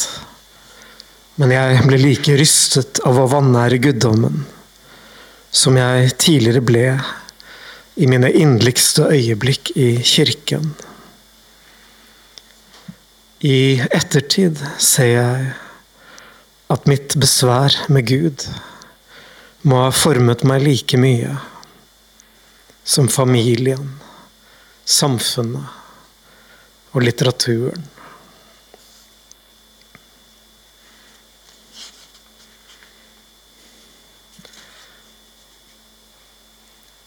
En poet kan ikke være et unnvikende menneske. Tvert om må han ha så mye mot at han frykter sin egen styrke. Denne følsomheten i form av frykt har drevet utallige poeter inn i fortvilelsen.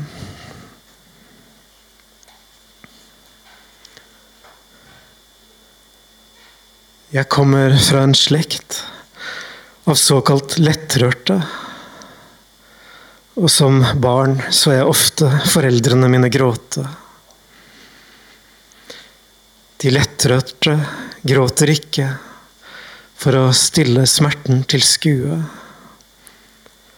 siden det for de lettrørte ikke fins flere forestillinger å vise i dette sjelens teater.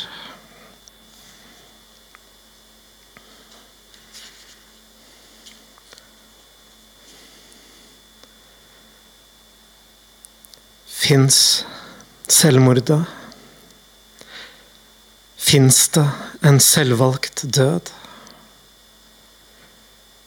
Eller er det riktigere å si at livet døde i ham?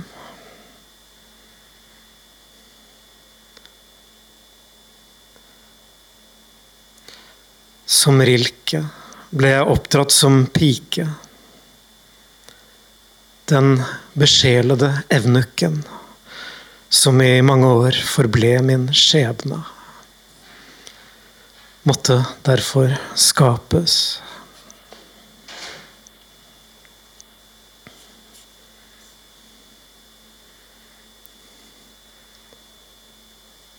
Det er ikke noe menneske forunt å være en utvalgt.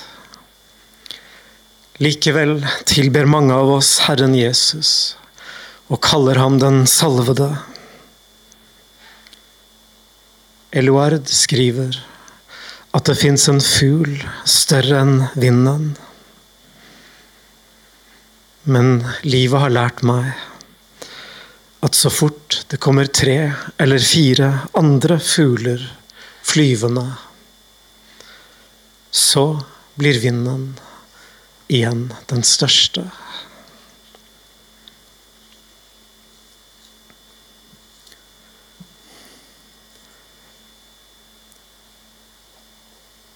Samfunn har alt det som en sjel kan romme, og tusen ganger mer. Den økologiske krisen er ikke dermed drømt, ikke heller overbefolkningen av kloden. Å besynge sommeren er noen ganger viktigere enn å føre regnskap over levende og døde.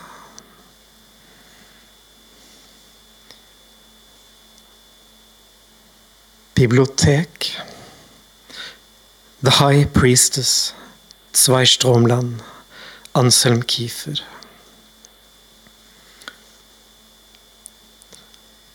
Reolene av forkullede manuskripter. forteller om landet mellom de to floder, og om den lesende gudinnen. Hun som tolker livene våre som tegn, og rynker pannen over oss. I den mest drømmeløse av alle tider skal vi igjen skrive dikt i aske. I aske skal diktene skrives, og flodene skal speile en forgangen verden av sletter med ville dyr og beitende buskap. Først når vi har blitt visere enn våre eldste guder, kan vi gi språk til tapet av alle dyreartene, alle trærne, alle plantene, alle insektene og insektenes sanger, og av måter å elske på som forsvant med dem. Uhelbredelig er kjærligheten, som er vår eneste helbreder. Det fins en ulegelig natt det fins en sirlig håndskrift på et forkullet papir. Det siste mennesket er en leser.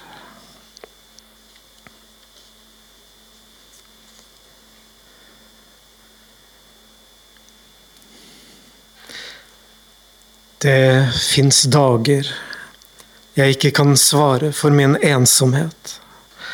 Verken til Gud eller til noe menneske, og aller minst i dikta. Jeg har blitt en fugl større enn vinden, og vet ikke lenger hvor jeg kan slå meg ned.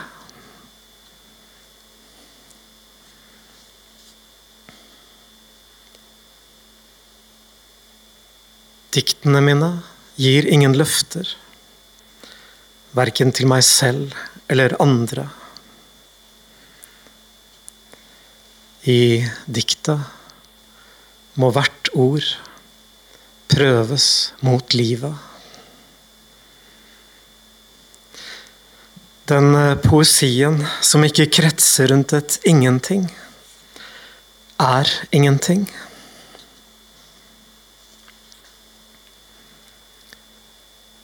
Forholdet mellom liv og diktning er som det mellom levende og døde. Usynlig, men høyst virkelig. Og fylt med gode og vonde minner.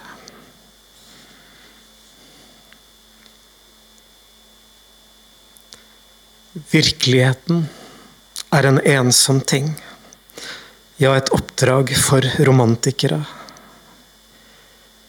De av oss som konstant overmannes av en følelse av uvirkelighet, er snarere å regne som realister.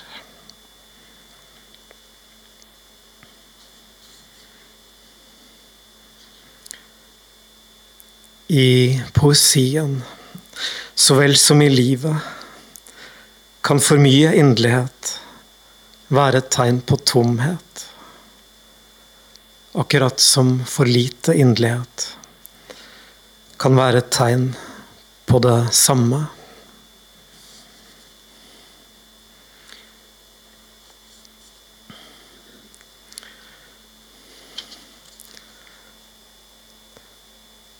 Gå ikke til nattverden med diktene dine, men legg dem fra deg hjemme Fremfor alteret skal du betro den skjulte, dine innerste anliggender. De ikke engang diktet kan gi en høvelig form.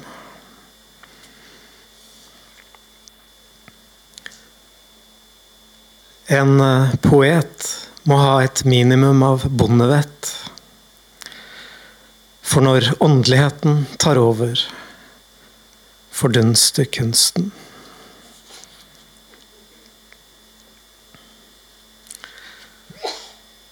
Åndelighet handler om å ofre jeget for en mening som ennå ikke er oppstått. men som kanskje oppstår ved at jeg skriver 'menneske', der det like gjerne kunne ha stått 'rovdyr'.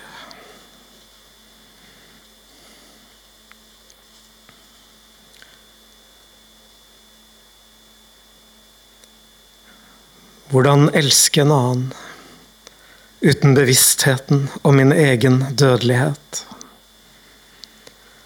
Alt annet blir et selvbedrag. For hvorfor skulle kjærligheten til det uendelige, om denne er virkelig, kjennes mindre smertefull enn den som er rettet mot en kjær venn? Takk.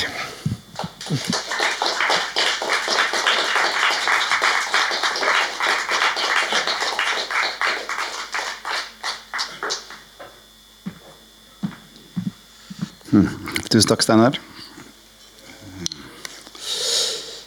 Kort om gjendiktning.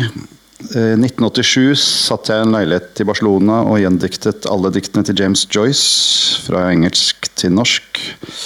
Da jeg var ferdig, ringte jeg Solum Forlag, som kunne fortelle at den boka allerede var gitt ut. Eh, hvis det er greit, Tur Erik, så tror jeg jeg legger til at i naborommet i Barcelona satt Tur Erik og oversatte en palmevinsdranker av Amos Tutuola, som også viste seg å være oversatt til norsk allerede. De var ennå ikke helt profesjonelle forfattere. Skal vi se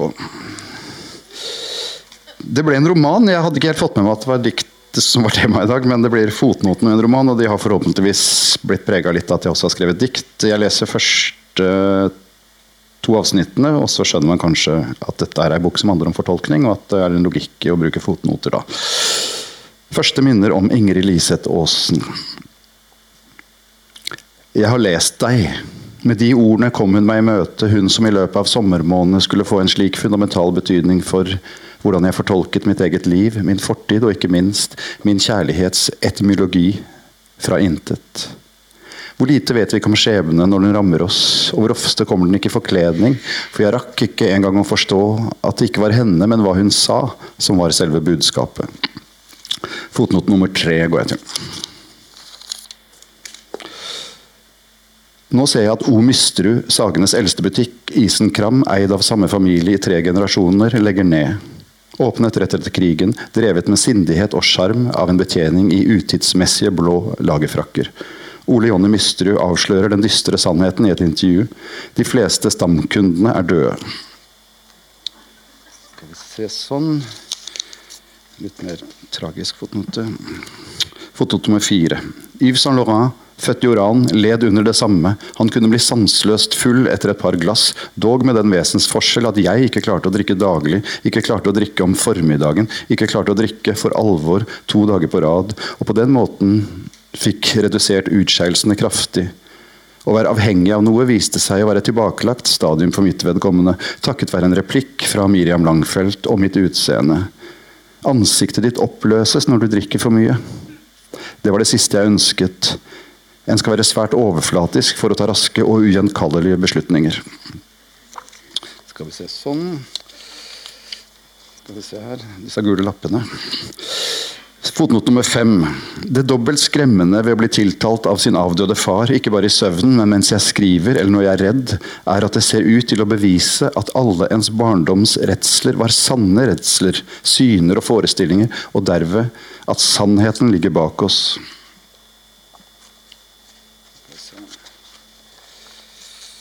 Oi. Fotnote nummer ti er litt lengre. Der refererer forfatteren til at han hadde med seg for mange bøker på en reise, og at han uh, gjengir boktitlene i romanen. Fotnote nummer ti.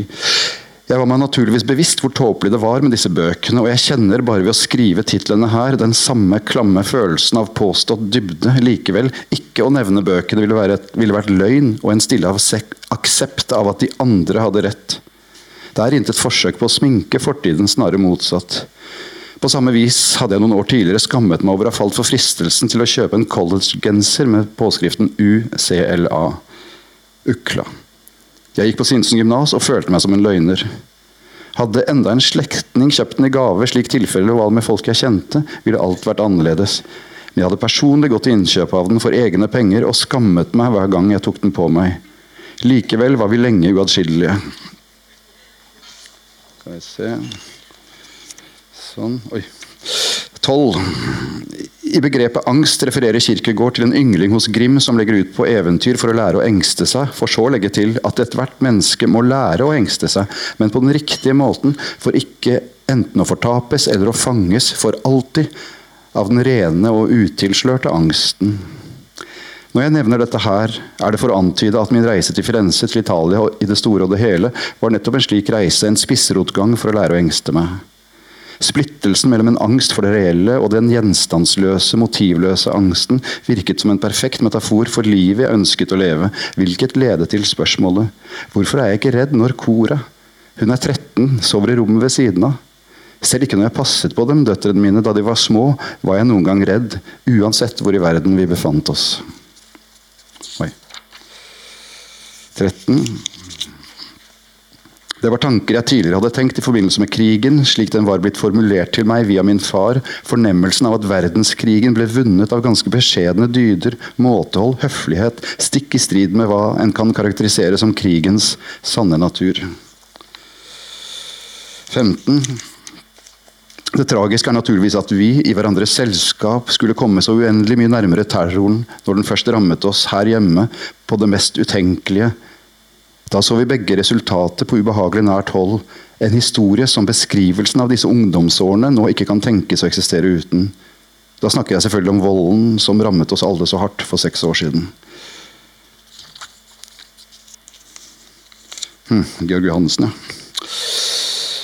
Da kan jeg lese setningen som for, går forut for fotnoten, for den er så kort. Bevegelser, handling, krig, krig og atter krig. Fotnote nummer 16. Krig, krig og atter krig er i realiteten et skjult sitat, noe Georg Johannessen sa under et foredrag i Porsgrunn i forbindelse med en teateroppsetning. Forsto jeg ham rett, var dette en programerklæring omkring hva en dramatisk tekst burde handle om. Han snakket med referanse til Shakespeare og til Rikard 3. spesielt. 20. Jeg tror det går greit, dette. Skal vi se. 20. Her tok jeg grusomt feil. Framtidige begivenhet vil vise det, og jeg beklager av hele mitt hjerte det fordomsfulle og nedrige og høyst begrensede portrettet jeg her har tegnet av henne. En portrettmaler ville raskt ha forkastet det, men i skriften er slingringsmonnet større. Slingringsmonnet større. Skal vi se Ops. 21. For den forelskede er stillheten synonym med et endelig farvel og ens egne mest morbide fantasier. Hun er død i en ulykke, drept av sin kjæreste. Skildrer i realiteten bare ens egen frykt for å bli forlatt. Ingen reell medfølelse eller bekymring for den andres ve og vel. Mens den som virkelig elsker, i minst like stor grad frykter sin egen utslettelse. 23. Sannsynligvis er det Abba José ben Hanan, eller Abba bar Hanan på arameisk, en vismann fra Udea. Han levde århundret rett etter Kristi fødsel, samtidig som Eliser ben Jakob den første, om hvem lite annet er kjent enn at han med egne øyne hadde sett det første tempelet i Jerusalem, hvilket da også forklarer alt. 24. Husk at 60-tallet også var den ensomme nattevandrer, arkitekten og designeren Carlo Molinos glanstid. Han som plukket opp danserinner og varietéartister på gaten, tok dem med seg hjem og fotograferte dem med utsøkt dårlig og pornografisk smak. 60-tallet var antakeligvis like mye den skjulte som den åpne og frigjorte seksualitetens tiår. 25. Jeg er klar over at jeg tidligere har snakket om Anna Hørslev på en måte som ved første øyekast kan synes avsluttende. Så hvorfor si noe mer om henne, en ganske ufjelg og blek husmor og firebarnsmor, en kvinne fra bunnen av Oslo og Kristiania? Det er ikke for leseren, men for min egen del. For romanen er det eneste sted der vi levende kan snakke med de døde. Tusen takk.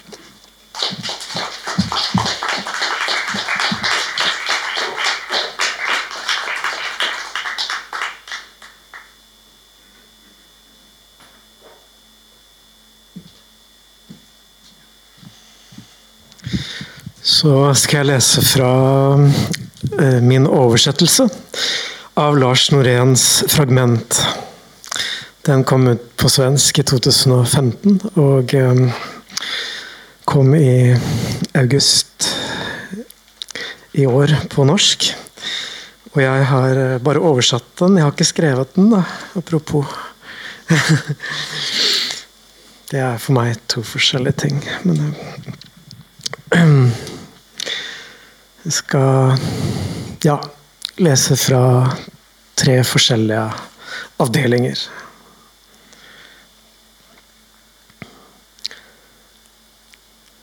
Livet forbereder meg på ikke å leve. Livet vender meg til ikke å leve. Snø faller på min barndom. Av alle de døde jeg har sett, husker jeg meg selv tydeligst.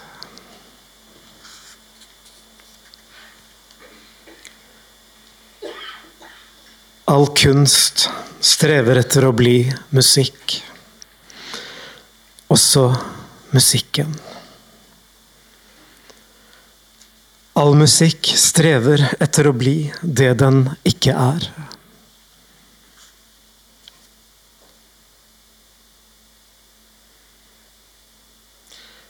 Det er befriende å ikke oppfatte skapelsen som et ekko av Gud som de ennå hører.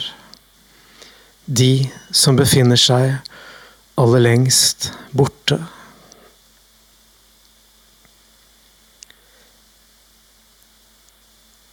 Egentlig et ekko av en gud.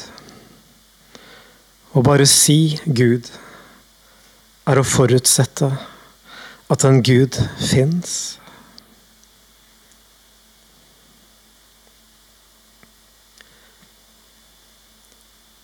Perfeksjonen fins allerede. Det gjelder bare å fylle den med alt mulig skrot.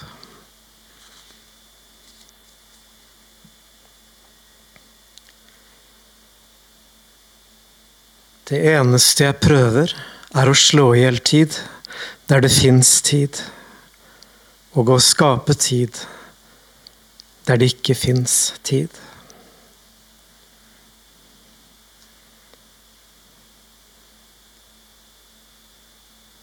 Jeg vet ikke tilstrekkelig om Philip Glass' niende symfoni, men i det første momentet hører jeg uten tvil et mørkt tog som nærmer seg en forferdelig plass.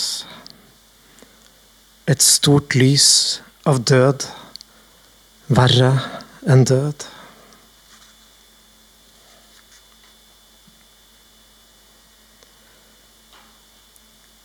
Jeg kan tenke meg at livet mitt skal ta slutt, men ikke at jeg ikke skal finnes.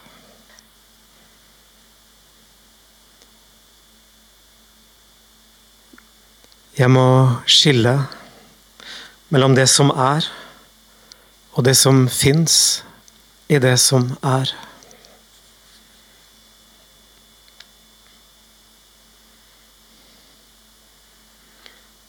filosofi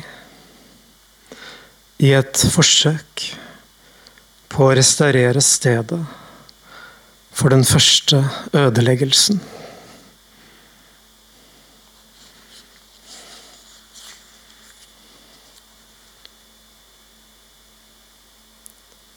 Han uten far ser sin far naken lenge før han dekker ham til med øyeblikket korsfestet.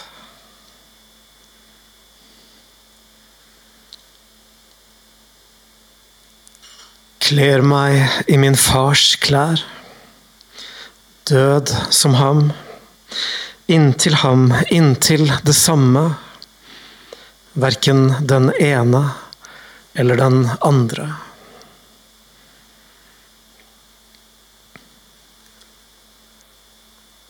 Naken i sivet, flytende på sine svøp.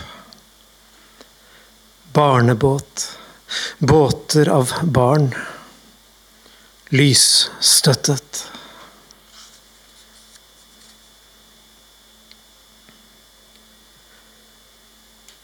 Språket gjør vold på oss. Språket ofrer oss.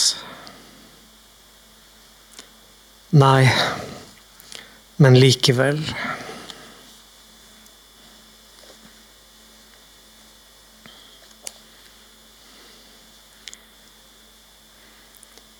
Jeg vender sidene i boken som om hver side var en natt.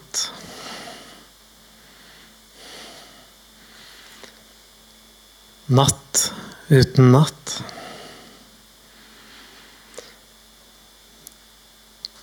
Det er mørket som leder meg.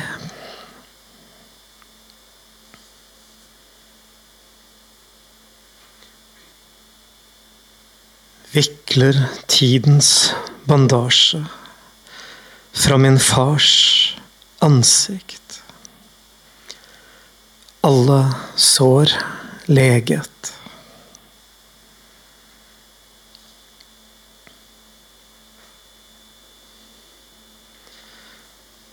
Før boken fins, fins den ikke, og den er fylt til randen av dette ikke, som varer like lenge som dets eksistens, og som fyller leseren med hans mest intime fravær.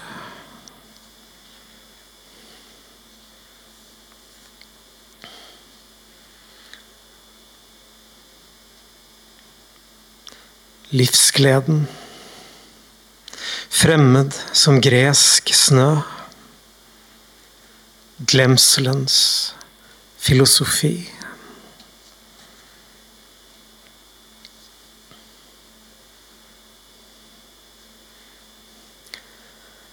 Det som er igjen hos deg, er det som har blitt tatt fra deg.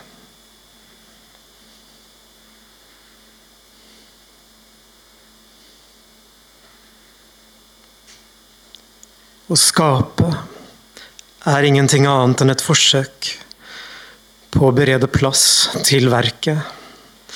Det verket som aldri oppstår. Som er det totale intets støv. Som bare gir seg til kjenne gjennom den ankomstens gru man fylles av.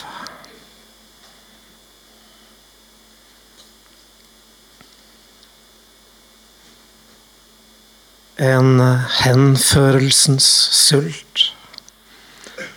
Flertydighetens artrose.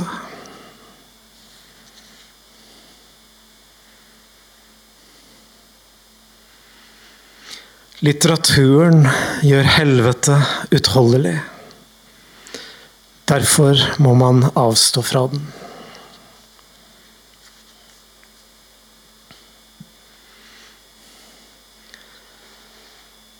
Håp er verre enn fortvilelse.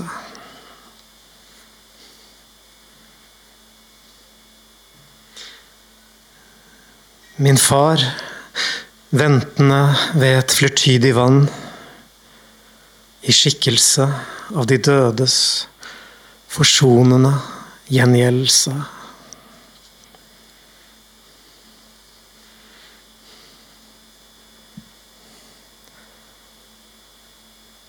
Mennesket som ikke lenger er hjemme i verden, aldri har vært hjemme i den. For hvem verden er et utenforskap, mister til og med evnen til tragiske valg.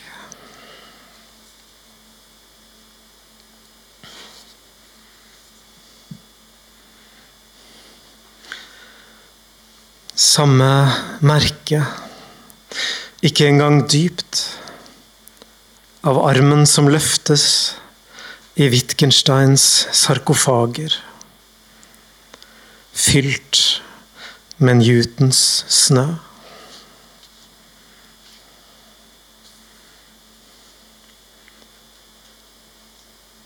Minneverdige skygger er de eneste som ennå vitner om fornuftens fortvilelse. Som om den var et vesen.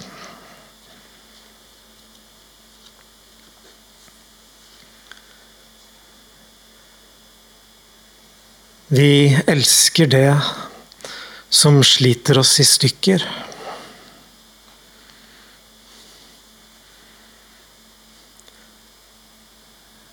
Et språk uten smerte forbereder åndelige ruiner.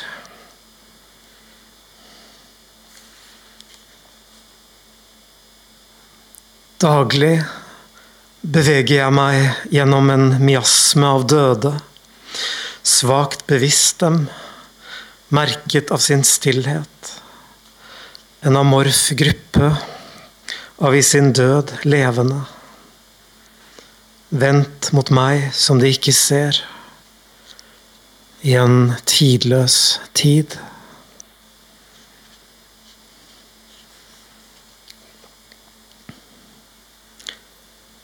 Den ytterste smerten er den som ikke lenger kjennes.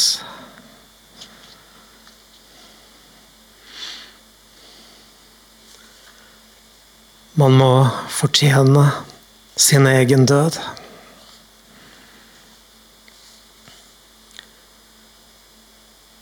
En inderlig forsteining.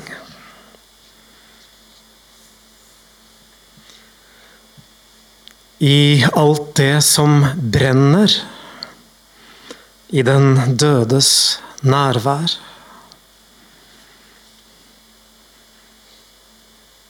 Den døde dekket av sin barndom.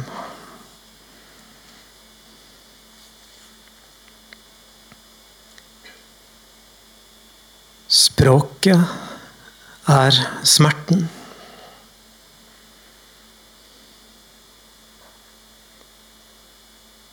Der avstanden opphører, forsvinner også nærhet.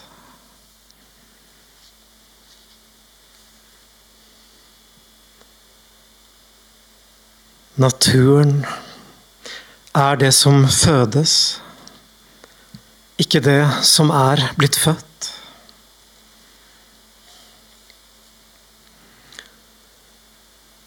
Hukommelsens viktigste funksjon er å hjelpe oss å glemme.